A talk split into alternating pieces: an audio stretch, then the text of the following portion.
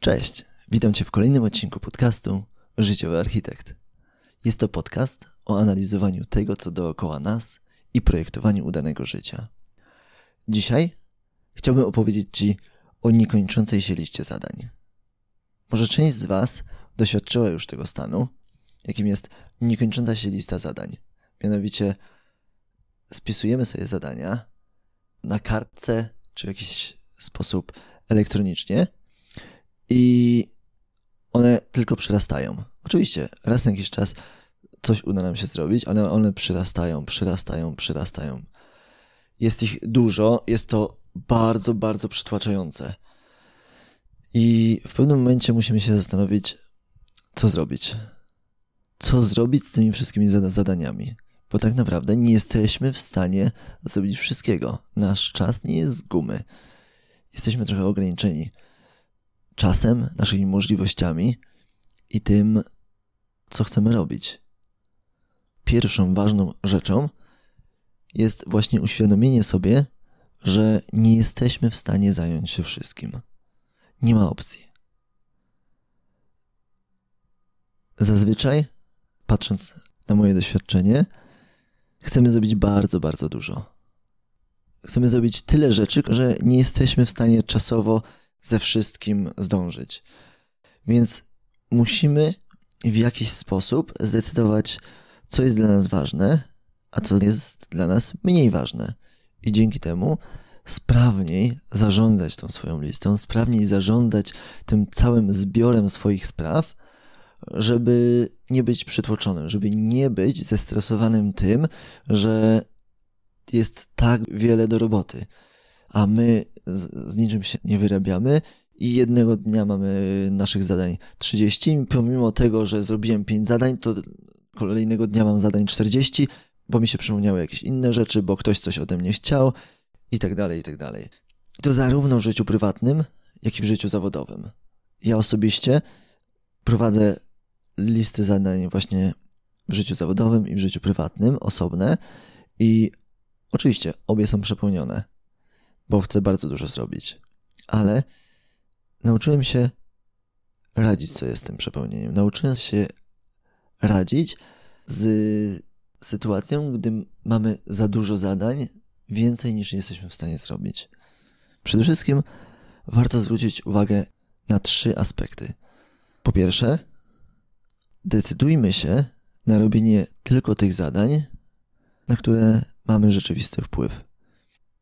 Na przykład, jeżeli w chwili obecnej martwi mnie sytuacja palących się lasów w Amazonii, to mimo tego, że mogę mieć na swojej liście pomysł zajęcia się tym tematem, to ja w tej chwili nie mam realnego wpływu na to, więc nie powinienem się zajmować rzeczami, na które nie mam wpływu, bo to będzie tylko angażować moją energię, a nie przyniesie rzeczywistej zmiany, nie przyniesie żadnego realnego wpływu.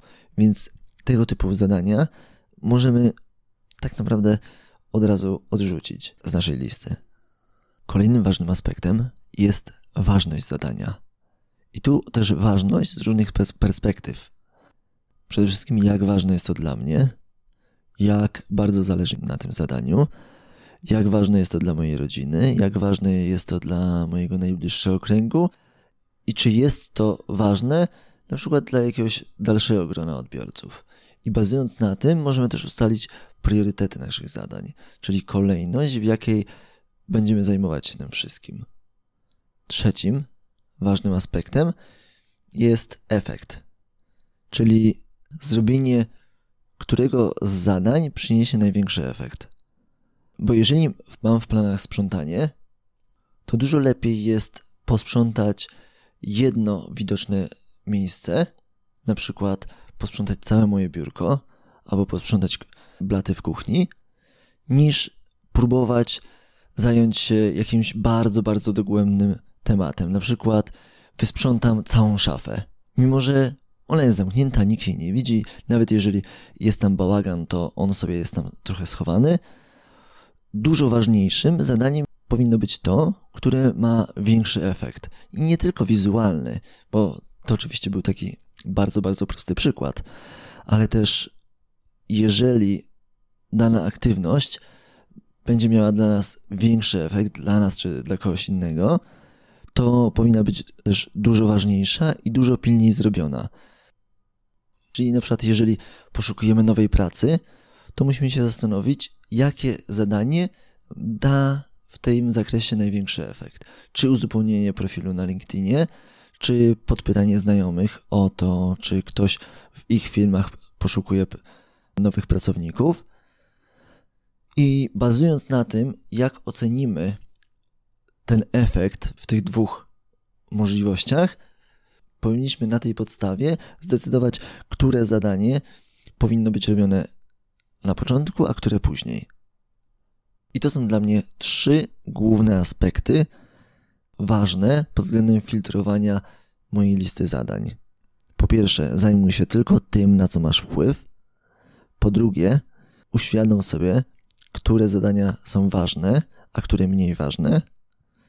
A po trzecie, zastanów się, jaki efekt przyniesie wykonanie danego zadania i zajmij się w pierwszej kolejności tymi zadaniami, które przyniosą największy efekt. Właściwie jest jeszcze jeden ważny aspekt niekończącej się listy zadań. Mianowicie wyrzucanie zadań, pozbywanie się ich. Jeżeli mamy ogromną listę, ogromną listę planów, to niestety z niektórych zadań musimy zrezygnować. I właśnie bazując na tych trzech wymienionych przeze mnie kryteriach, możemy zdecydować, które zadania będą miały najmniejszy priorytet, czyli które są dla nas najmniej istotne, które przyniosą najmniejszy efekt. I dzięki temu będziemy mogli po prostu z nich zrezygnować. I nie powinniśmy mieć sentymentu, że z nich rezygnujemy, bo tak jak powiedziałem na początku, nasz czas nie jest z gumy. Nasz czas możemy przeznaczyć na skończoną liczbę aktywności. Upewnijmy się, że te aktywności, które robimy, mają sens, są istotne, ważne i przyniosą pozytywny efekt. To tyle ode mnie. Ty z kolei możesz w wolnej chwili możesz spojrzeć na swoją listę zadań i zastanowić się, które zadania powinny być według tych trzech kryteriów zrobione w pierwszej kolejności, a które mogą poczekać. Dziękuję za uwagę. Jeśli spodobał Ci się ten odcinek, to zachęcam do podzielenia się z nim z, z innymi. Chciałbym w ten sposób pomóc jak największej ilości osób. Do usłyszenia.